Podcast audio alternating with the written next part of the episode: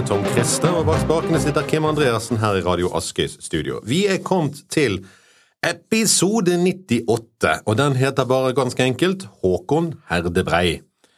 Etter siste episode skulle en tro ting hadde roet seg. Inge Krokrygg og hans kumpan Gregorius Dagssønn har kvittet seg med begge Inges halvbrødre.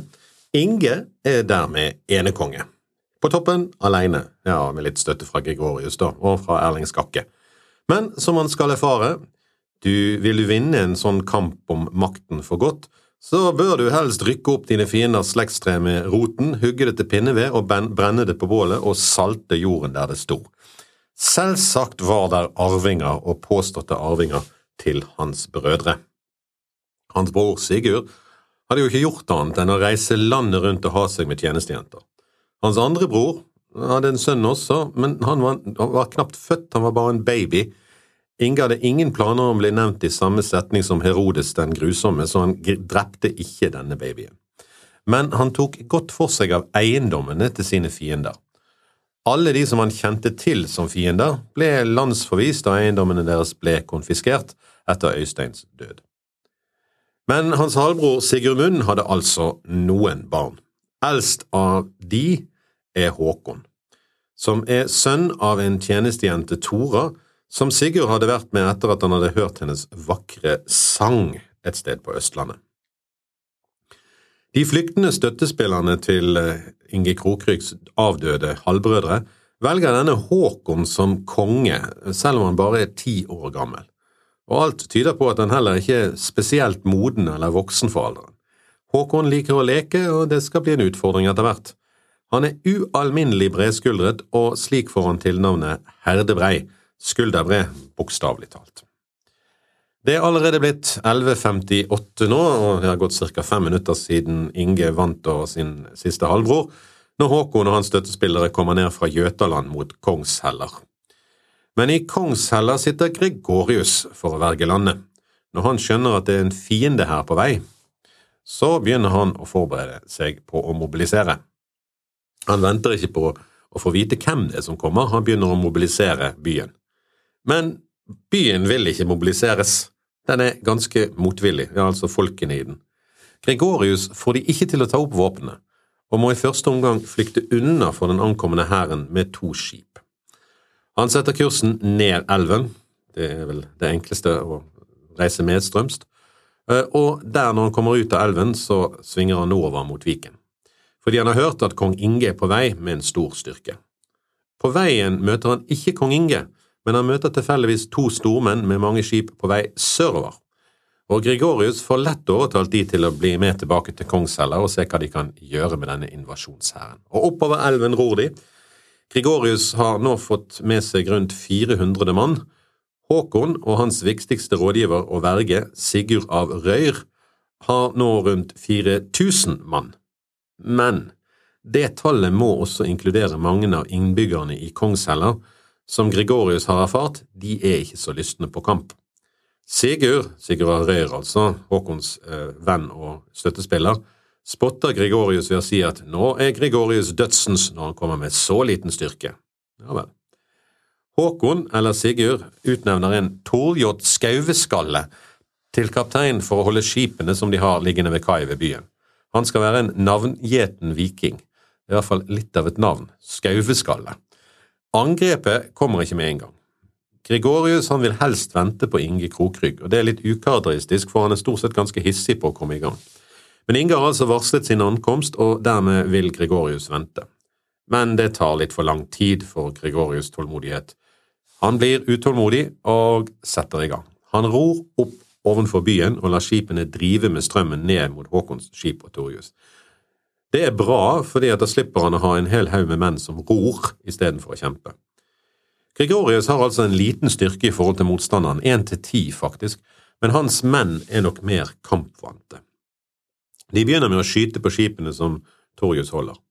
Torjus og hans menn skyter tilbake. Så langt er alt som det pleier i sånne slag, men så skjer noe som er direkte livsfarlig for de involverte, og ukarakteristisk for et slag vi for slag vi tidligere har hørt om. Det bryter altså ut en eller annen form panikk, eller så treffer Gregorius folk så godt at mannefallet er for stort. Men Torjus og hans menn rømmer plutselig skipene hals over hode. Noen faller i vannet, og andre blir drept når Gregorius kommer inn til. Hva er dette for noe? Hvorfor løper de sin vei så fort? Er det en krigslist? Har de bare liksom trukket seg opp på kaiene for å kunne ha en bedre posisjon og komme tilbake igjen?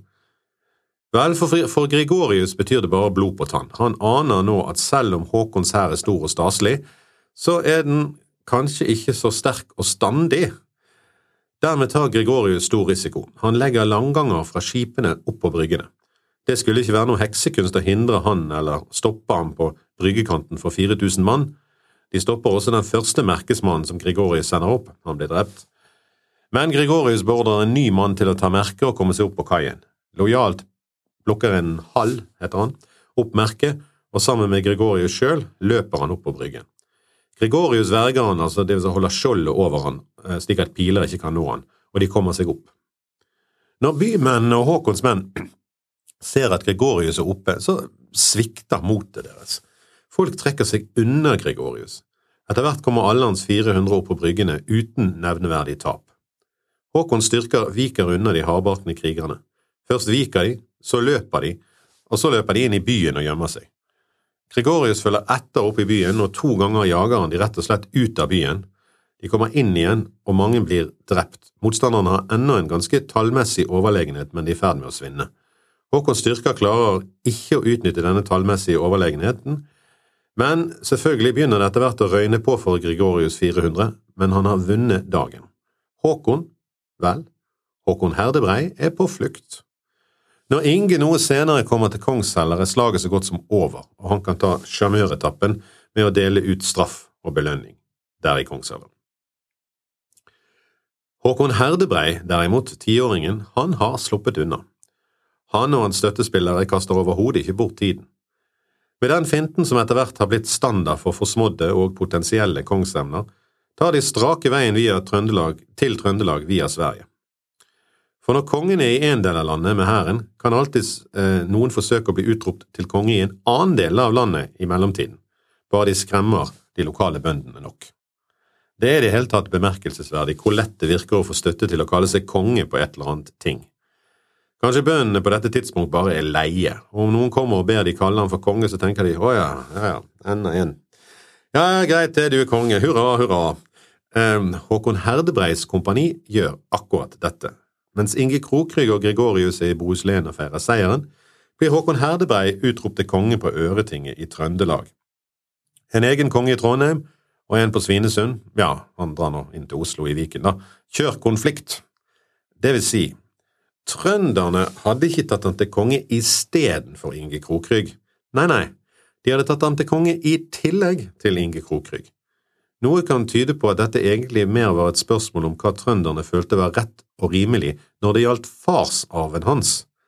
Så de tenkte, eh, kanskje litt naivt, at han skulle ha en tredjedel av riket etter sin far, og så skulle dette være over og alt være fredelig igjen. Inge og Gregorius er ikke enige. Når den oppfarende og hissige Gregorius får høre om dette, så vil han straks dra nordover og bekjempe dem, i snøen men det er midt på vinteren, eller det vil si seinvinteren, og det er ikke aktuelt å sette i gang før snøen smelter, så han må roe seg. Men når våren kommer, er begge konger på vei. I Trøndelag har Håkon klart å få bygget eller samlet 30 skip over vinteren, og farer nå sørover. I Viken har også Inge lagt ut med sine skip ut Oslofjorden, rundt Lindesnes og nordover. Håkons folk tørner sørover og går i gang med å plyndre Mørekysten som om de var vikinger fra før Harald Hårfagres tid. Ingen hadde i manns minne opplevd noe slikt. Helt fra Harald Hårfagre hadde det vært hard straff for innenlandsk vikingtokt. Det gjorde de ikke spesielt populære, og det var betegnende nok vikværingene i hæren til eh, Håkon Herdebrei som oppførte seg som vikinger. De utgjorde fortroppen med åtte skip, vikværinger altså de som kom fra Viken. En av de lokale stormennene i Møre, Jon, som er sønn til en halvkjell Hulk, du husker kanskje den halvkjell som ba kong Øystein la gullet forsvare ham. Dette er hans sønn, og han angriper nå den fortroppen for å beskytte lokalsamfunnet sitt. Og selv om han gjør et alvorlig forsøk, så går det galt, fordi hans far ikke kommer til hjelp som avtalt. Igjen har Halvkjell droppet kampen. Så hans sønn Jon blir såret, mister mange menn, og kong Haakons skip seiler videre sørover. Men når de kommer sør om Stadlandet, får de høre at Inge Krokrygg og Gregorius allerede ligger i Bjørgvin. Og det er dårlig nytt, for holder en først Bjørgvin med sin trange våg og sitt kastell, er det alvorlig vanskelig å få has på forsvarerne. De vet nok òg at styrken ikke er stor nok, altså den styrken som de har. Nå er de i et dilemma. Skal de kjempe? Det er egentlig uaktuelt med den styrken de har, og den styrken Inge har. Jon Halkjelsson hadde ikke stoppet de, men han hadde gjort stor skade. Skulle de vende og seile hjem igjen til Trøndelag? Tja, det var et spørsmål om de i det hele tatt ville komme forbi Møre etter det de hadde gjort av røving og plyndring på veien. Langs hele kysten fra Stad til munningen av Trondheimsfjorden var det våpenføre menn som tørstet etter hevn. De bestemte seg for å forsøke nok en liten finte. Planen var nok noenlunde sånn. Seile utaskjærs forbi Bjørgvin, sette kursen sørover og så forsøke å bli hyllet som konge på et ting i, rundt Viken også. Dermed satte skipene til havs, sannsynligvis sånn at de hele tiden så land, men seilte på utsiden av Feie og Sotra. Men der lå faktisk tre av skipene til kong Inge, og det er ikke godt å vite om de var der for å speide og varsle dersom nettopp dette skjedde, eller om de bare var litt seint ute til ferden mot Bjørgvin. Kanskje mest sannsynlig det siste, ettersom Håkons 30 skip ser ut til å komme overraskende på de, og alle om bord blir drept, med unntak av én. Han heter Gyrd Lagmann. Og hvorfor de tar vare på han, kan man spørre om. Eh, kanskje de trenger en advokat, det kan en jo skjønne etter all ugangen de holdt på med langs Mørekysten. Håkon Herdebrei og hans 30 skip setter så kursen mot, vel, Sverige, egentlig, mot Gjøtaelv og Kongshella. Inge Krokrygg er passelig forbannet, skuffet, oppgitt, der han sitter i Bjørgvin og får høre at Håkon bare har seilt forbi. Han er også litt urolig, fordi det er åpenbart at Håkon enten er på jakt etter utenlandsk støtte eller blir hyllet som konge i Viken. Begge deler betyr mer soldater for Håkon og mer trøbbel for Inge. Her må vi stoppe for en bitte liten forklaring.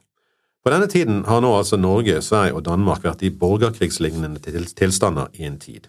Kaos, kort sagt. Imidlertid så har Danmark nettopp blitt konsolidert noen år før og er nå mer stabil. Sverige er like kaotisk og trøblete som Norge, men dette betyr på den ene siden at det alltid er noen misfornøyde svensker uh, av typen leiesoldater å finne, men at kongen av Danmark er den eneste som egentlig kan blande seg inn i en konflikt i trygg forvissning om at det er rolig på hjemmebane. Og kongen av Danmark har ambisjoner i Viken. Inge vil ikke la Håkon verken seile til Danmark eller stikke av inn i de svenske skogene, så han setter etter. Han får nyss etter hvert om at Håkon ligger ved Kongshella, der han før har flyktet. Inge sender sine speidere foran, mens han selv og hovedstyrken ligger ved Hising. Speiderne kommer ned elven igjen, med nytt som bekrefter og skremmer. Håkons skip ligger oppe i elven med bakstaven festet til peler. Foran de ligger to østersjøknarer med kastell i både i bak, foran og i midten på skipet. Det minner egentlig om en tidlig versjon av hansakogger. Og det er et problem, for skipene har altså trekastell som hever bueskyttere og kjempene og spydkastere høyt over de vanlige vikingskipene. De kan stå oppå der og kaste ned på forsvarsløse, ja, ikke helt forsvarsløse, men ganske forsvarsløse folk på de åpne vikingskipene. Hele formasjonen fremstår som en ugjennomtrengelig skipsborg. Inge lurer på hva han nå skal gjøre, og blåser til husting for å avgjøre hva de skal foreta seg. Angripe, vente, hva gjør vi? Hustinget ender i, overraskende nok, en alvorlig krangel mellom to av kongens beste venner, den impulsive og hissige Gregorius Dagsund og den slu og kloke Erling Skakke. Det er Gregorius som, ikke uventet, tar ordet først. Det har vært møter noen ganger mellom oss og Håkon, og han har oftest hatt flere folk, men han har dog kommet til kort i skiftet med oss. Men nå har vi meget større her, og nå vil det dykkes de menn rimelig som nylig har mistet sine frender, at her vil det være en god mulighet for å ta hevn. For de har lenge nå trukket seg unna oss i sommer, og vi har ofte sagt det at hvis de venter på oss, og hvis de står fast, som de nå gjør, da vil vi våge oss til å møte dem. Nå får det sies om mitt sinnelag at jeg vil legge til slag mot de, om det ikke er imot kongens vilje. For jeg tenker at som det før har skjedd, så kommer de til å vike om vi legger modig frem. Jeg vil legge til der andre syns det er farligst. Det ble voldsom begeistring etter denne djerve talen, så voldsomt at skipene straks ble rodd opp, slik at de to hærene kunne se hverandre over elven. Men kongen var ikke helt ferdig med hustinget ennå, for nå fikk Erling Skakke ordet. Jeg må svare på talen deres, herre konge, men om du vil vite hva mitt råd ville være, da skal jeg la deg høre det. Den planen som nå er lagt, er tvert imot mitt sinn. For dette kaller de et uføre, at vi skal kjempe med de under disse forholdene, om vi enn har en stor og vakker hær. Hvis vi skal gå imot de og ro opp imot strømmen, når det er tre menn i hvert halvrom, da må den ene ro, den andre dekke han, og hva betyr det annet enn at det bare vil være en tredjedel av vår hær som kan kjempe? Det synes meg som om at det vil bety at vi er ille farne i striden, og spesielt de som sitter ved årene og vender ryggen til sine fiender. Gi meg tid til å legge et råd, så lover jeg til gjengjeld at jeg skal finne på en løsning innen tre dager er gått, slik at vi lettere skal komme til å ta fienden. Og da ble det gny. Altså, mange egget til kamp, for de var eh, redd for at Håkons menn skulle rømme unna, og de ville ta dem når de ikke hadde så stor styrke. Gregorius ble skikkelig sur og påstod at Erling ikke kom med gode råd eller forsto dette bedre, men at han bare kom med dette rådet fordi det var Gregorius som hadde gitt et annet råd. Vi aner en viss rivalisering og misunnelse her fra Gregorius, og at han er en ganske oppfarende mann. Kong Inge er nok i villrede etter dette fordi han vet og han kjenner disse to. Han vet at Erling Skakke sannsynligvis er det mest veloverveide og klokeste av de to, og han vet at Gregorius er den som virkelig kan ildne folk. Han er i villrede, men han merker at de fleste vil angripe og kjempe denne dagen. Hæren er på en måte allerede i stemning for krig. Han forsøker karakteristisk nok på et kompromiss, og han sier til sin svoger Erling, jeg vil følge ditt råd om hvordan vi angriper, men vi må gjøre det i dag. Ja vel, så sagt som gjort. Motvillig gir Erling sitt råd. Midt i elven ligger det en øy. Vi skal ro rundt den på motsatt side av de for å komme høyere opp i elven og så kunne gli medstrøms ned mot de. Da får vi se om vi klarer å løsne deres skip fra pelene. Og det gjør de også, de ror oppover. Men når Håkons hær ser det, tror de merkelig nok at Inge skal flykte. De tror rett og slett ikke på at Inge skal legge til kamp fordi at de sitter så bra i det der i elven, med festet til pelene. Dermed tror de altså at Inges hær er på flukt, og de løsner fortøyningene sine og setter etter. Hvorfor er dette med fortøyningene så viktig? Jo, denne kampen foregår i en elv, og som Erling har sagt, det er et svare strev å holde skuten på riktig plass i strømmen, og det betyr at nesten to tredjedeler av hæren vil bli opptatt enten med å ro eller med å beskytte de som ror hvis de skal kjempe i strømmen. Det har Håkons menn sluppet ved at de har festet seg til pelene, men når de da løsner fra pelene, hvordan skal det gå? Vel, det får vi høre i neste episode. Vi avslutter som vanlig med et vers fra Håvamål, og vi kom til nummer 66. Mykje for snart Mangstad kom eg, Sumstad kom eg for seint, øl var drukki, ubrygd Sumstad, sjelden kjem lei til lags. Nei, det er ikke alltid så lett å komme til rett tid når øl er brygget, men ikke drukket, omtrent sånn som med kampene mellom Inge og Håkon. Dette var episode 98, Håkon Herdebrei, som vi har blitt litt kjent med nå, og mitt navn er Tom Christer, bak spakene satt Kim Andreassen. Du kan sende spørsmål og kommentarer til tom.christer.gmail.com.